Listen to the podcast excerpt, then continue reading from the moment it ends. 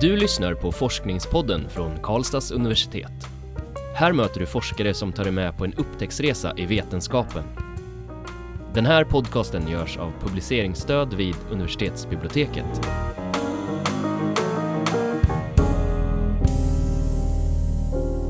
Hej och välkomna. Eh, mitt namn är Nadja. Jag heter Magnus.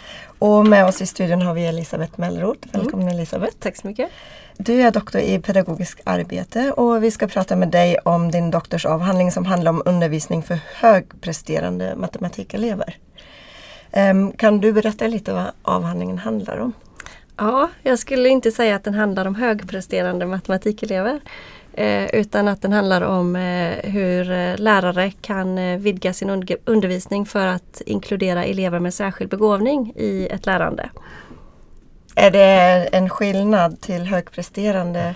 Ja, eh, högpresterande det är som det låter att det är elever som presterar högt, presterar högt på prov och gör bra ifrån sig hela tiden. En elev som är särskilt begåvad behöver nödvändigtvis inte prestera högt. Mm.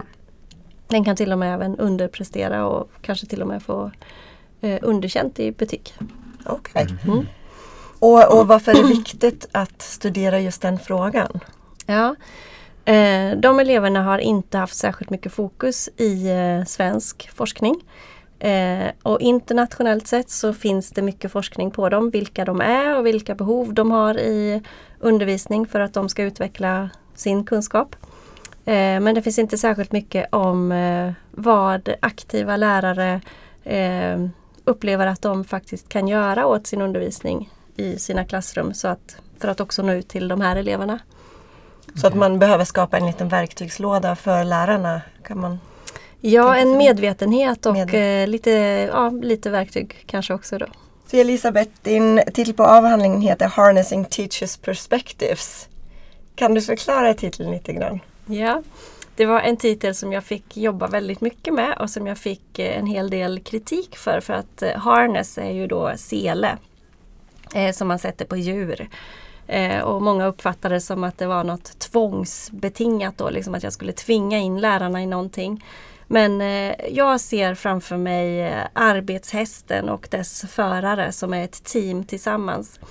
Och eh, för att kunna få hästen att eh, använda hela sin fulla potential så måste du eh, sätta en sele på hästen och sen så kan man då arbeta tillsammans med hästen. Så harness här är att jag sätter, jag sätter sele, jag, jag försöker liksom fånga in lärarnas perspektiv så att deras perspektiv verkligen ska kunna tas tillvara på i forskningen. Så hur har du gått tillväga i din avhandling för att få fram dina resultat? Mm. Eh, avhandlingen består av två delar då där eh, jag har först, en första del som är min list och sen min andra del som då har fokus på lärarperspektivet och eh, eh, hur de ska kunna möta eleverna. Och i del två så har lärarna varit med i ett skolutvecklingsprojekt där de då har fått teorier kring vilka särskilt begåvade elever är eh, och hur man ska kunna inkludera dem i ett lärande i matematik. Då är fokus. Eh, och sen har jag studerat eh, lärarnas eh, samtal och bakat in deras lärarexpertis helt enkelt och lyft fram de sakerna som de lyfter upp som möjligheter och svårigheter i att möta de här eleverna. Hur pass vanligt är det med, med särskilt begåvade elever i matematik? Går det att säga någonting om det? Eh, ja det kan man. man kan, Skolverket har skrivit 5% generellt mm -hmm. eh, och då handlar det inte bara om matematik. Eh, men deras eh, tal där på 5% är en, eh, en uppskattning mellan vilka, vilken definition man väljer. Så det, kan, det varierar alltifrån 1% upp till 10-15% vilken definition man väljer. Men om man tänker 5% så hamnar man i alla fall inte fel. Nej. Och vad, vad är liksom pedagogiskt sett, vad, vad, är det för skillnader jämfört med vanliga elever? Eller så att säga? Mm. De eh, behöver till exempel inte ha särskilt mycket repetition för att lära sig utan de lär sig snabbt. Eh, och de behöver också ha komplext och abstrakt material tidigare än eh, andra elever. De kan uppleva eh, grunduppgifter eh, och basuppgifter som eh, så pass tråkiga så att det till och med blir omöjligt för dem att arbeta med dem. Okay. Och är det någon skillnad på, på de som är eh, särskilt begåvade just i matematik jämfört med särskilt begåvade i allmänhet så att säga? Eh, ja, i, I matematik då, då jobbar vi ju med matematiken som verktyg. Mm. Eh, medan om du är estetiskt eh, särskilt begåvad så kanske du inte behöver ha en, en komplex matematikuppgift för att utveckla ditt eh, lärande. Mm. Okej. Skapande. Vad, vad, vad tycker du är avhandlingens viktigaste bidrag? Mm, det, eh, ett av de viktigaste bidragen som jag upplever är att eh, eh lärarna då lyfter eh, sin, eh, att de kanske inte alltid själva räcker till för att möta de här eleverna men att de då ser kollegiet, lärarna, som en möjlighet och till och med någonting nödvändigt för att kunna nå ut de här, ja, för att inkludera de här eleverna. Eh, och då kan det vara att en lärare kanske upplever att jag har inte tillräckligt mycket ämneskunskap. Men att man då, om man är medveten om det här och de här eleverna i kollegiet så kan man ta hjälp av en annan lärare, kanske på ett annat stadie till och med för att eh, kunna hitta rätt undervisning till de här eleverna. Så det gäller att lärarna behöver kommunicera med varandra också när sådana elever finns på skolan? Ja precis. Och är det någonting som man redan jobbar med idag eller är det någonting som eh, Det är väldigt olika. Det finns vissa kommuner som har eh, kommit ganska långt eh, och har handlingsplaner och som även har inom elevhälsa specifika team som inte bara jobbar med särskilt begåvade elever men som är väl medvetna om att de här eleverna finns och jobbar med strategier för att kunna nå ut till dem bättre. Mm. Medan det finns andra kommuner som inte ens har berört frågan. Okej. När du säger elever, vad är det för nivå eh, vi pratar om? Alltså, hur är det grundskola eller gymna- gymnasium? Min forskning eh, riktar sig till grundskolan. Det är Mm. grundskolelärare som jag har arbetat med och i del ett av avhandlingen så är det grundskoleelever som jag har eh, jämfört eh, resultat med på nationella provet och på en eh, resultat på en tävling som eh, stimulerar glädje och nyfikenhet för matematik, kängurutävlingen och studerat skillnader där. Så det är Mm. grundskoleelever som jag, min forskning riktar sig mot. Mm. Är, det, är det någonting som överraskade dig när du tittade på dina resultat? Eh, ja, en sak som kanske överraskade mig var att de här lärarna eh, fast att de var med i ett skolutvecklingsprojekt som var beviljat och, och på papper i alla fall styrkt utav skolledning så upplevde de inte att de hade skolledares stöd att faktiskt kunna få omsätta sin kunskap i verksamheten. Men det kan ju ha ändrats nu. Eh, att det kan vara en, en process som tar tid. Men där och då upplevde de inte det. Och sen eh, upplevde jag det också lite förvånande att eh, de, eh, fast att de har då tagit till sig teorier om särskilt begåvade elever, vad de behöver för att bli mötta, eh, ändå fastnar lite i den här traditionen vi har i Sverige att vi måste först och främst se till att alla blir godkända. Att de eh, backar tillbaka där, ja men vi får inte glömma dem. Eh, och det handlar inte om att eh, exkludera någon utan det handlar om att inkludera någon som tidigare kanske har varit ex- exkluderad. Så att alla får bra förutsättningar och Mm. utvecklas i den takten som de vill. Eller Precis. behöver utvecklas. Och vad säger eleverna själva då? De som har särskild begåvning, hur upplever de det? Mm, jag har inte haft någon typ av elevfokus i min Nej. forskning. Eh, eh, så det kommer ju utanför min forskning och relaterat till andras Mm. forskning. Eh, men eh, de säger ju, mycket kommer detta då att de tycker undervisningen är, det är så tråkigt att gå till skolan. Varför ska jag gå till skolan när jag inte lär mig någonting? Och har man varit eh, utsatt för det i nio års tid så är det inte så kul att gå till skolan. Eh, och en annan sak är ju också att de förr eller senare möter på ett motstånd där, de, eh, där nivån höjs och då Mm. har de inte hittat några verktyg att använda sig av för att kunna eh, överbrygga ett, eh, någonting som var svårt. De vet, de har ingen studieteknik helt enkelt. Nej. Hur pass viktigt är det att man, att man fångar upp de här eleverna tidigt då? Eh, det är lika viktigt som att fånga upp alla elever. Ja. tidigt. eh, just på grund av att det har vi faktiskt i vår skollag att alla elever ska ges eh, ledning och stimulans att utveckla sitt lärande vidare. Mm. Och Ja, så det är lika viktigt som för alla elever helt enkelt. Och, och görs det idag eller finns det en stor brist här? Det finns en stor brist men också händer det jättemycket i Sverige. Jag, det, jag har en känsla av, jag är med i många internationella nätverk kring detta också, att jag har en känsla av att det är många som har ögonen på de nordiska länderna därför att eh, vi har börjat relativt sent att titta på denna frågan men det händer väldigt mycket. Mm. Från att vi har fått ett stödmaterial i Skolverket till att vi har eh, nu i Sverige, eh, eh, får jag räkna, eh, fem i alla fall disputerade eh, inom eh, området matematik och särskild begåvning. Jag vet inte om jag glömde någon men jag hoppas jag fick med alla. Men, men det är det jag funderar på, för du sa förut att de här särskilt begåvade barnen inte behöver vara bäst i klassen ens i till exempel matematik. Mm. Ehm, hur identifierar man dem? Hur vet man att det är ett särskilt begåvat barn? Mm. Eh, och då kan det vara på deras sätt att eh, till exempel i problemlösning att de eh, generaliserar väldigt snabbt och det är inte i tid utan att de kanske går direkt på en generell lösning. Kan du kanske ge ett exempel?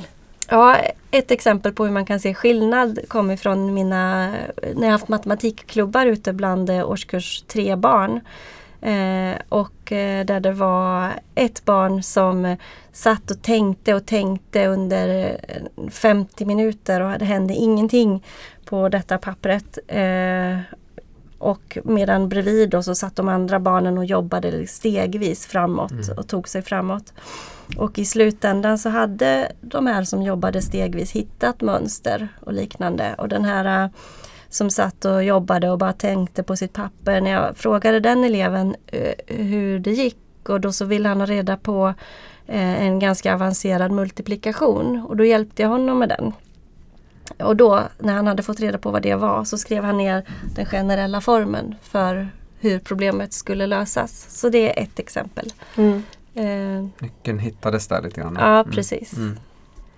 Eh, jag funderar på eh, alltså de här särskilt begåvade barnen. Eh, tänker jag att de, de som presterar väldigt bra eh, i matematik, eh, kan man liksom på något sätt använda dem? För jag menar många elever har problem med, med matte. Nu pratar jag egen sak här som inte, inte har gillat matte så väldigt mycket. Sådär, men att, att man kan använda den som en resurs i klassrummet och så. Eh, går det att göra på något sätt?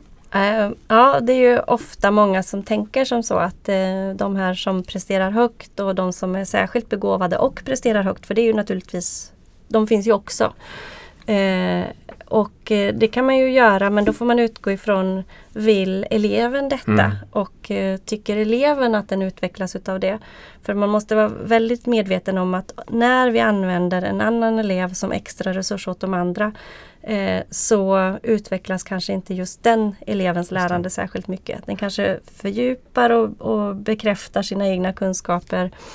Eh, men en särskilt begåvad elev lär sig oftast snabbt, direkt, förstår eh, och kan tillämpa, analysera och resonera kring det hela på en gång.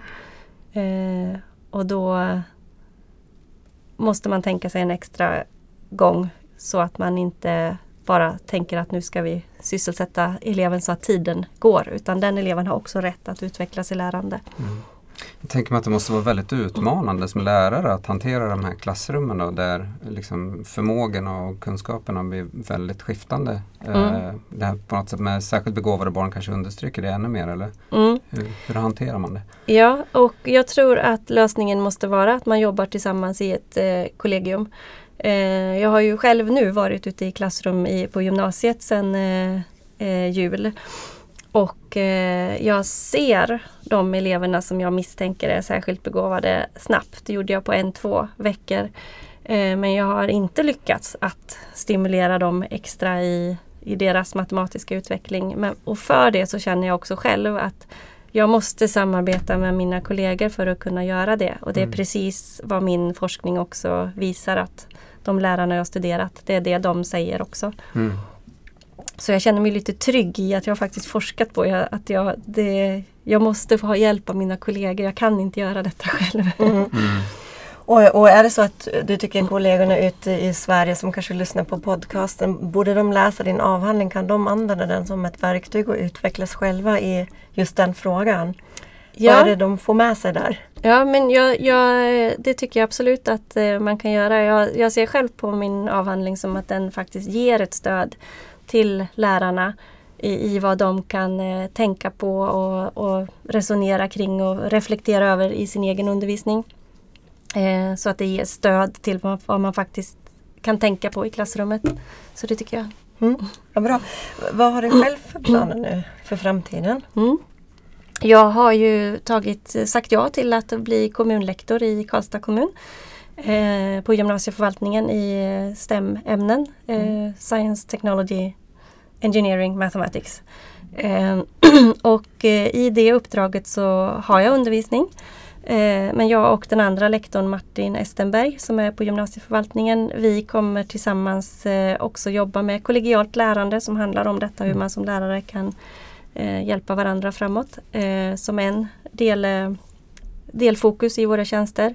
Och ett annat fokus som jag ska ha i min tjänst handlar om detta med särskilt stöd och anpassad undervisning som också då relaterar till min forskning. att Hur ska vi bli bättre åt båda håll? Mm. Så det Spännande. känns jättebra. Ja. ja, verkligen. Avslutningsvis, det börjar bli dags för oss att avrunda mm. nu. Eh, men eh, vad är ditt bästa tips till andra doktorander? Hur gör man för att ta sig igenom? Ja, eh, det första är väl att eh, försöka liksom kristallera ut vad, vad är det jag verkligen vill och har tänkt att eh, fokusera på. Och sen hålla sig till det så att man inte eh, svävar ut. Svävar ut. Precis. Mm. Eh, lyssna på sina handledare men inte glömma bort sig själv. Mm och eh, se disputationsfesten som en eh, drivkraft framåt. för det är riktigt roligt. Vilka alldeles lysande tips eh, som avslutning. Stort och varmt tack Elisabeth för mm. att du har gästat Forskningspodden idag. Lycka till med ditt fortsatta arbete. Tack så mycket. tack också till er som har lyssnat. Och, vill du läsa Elisabeths doktorsavhandling på, så finns den att ladda ner i vår publikationsdatabas DIVA. Välkommen tillbaka! Du har lyssnat på Forskningspodden från Karlstads universitet. Den här podcasten görs av publiceringsstöd vid universitetsbiblioteket. Alla avsnitt hittar du på kau.se forskningspodden.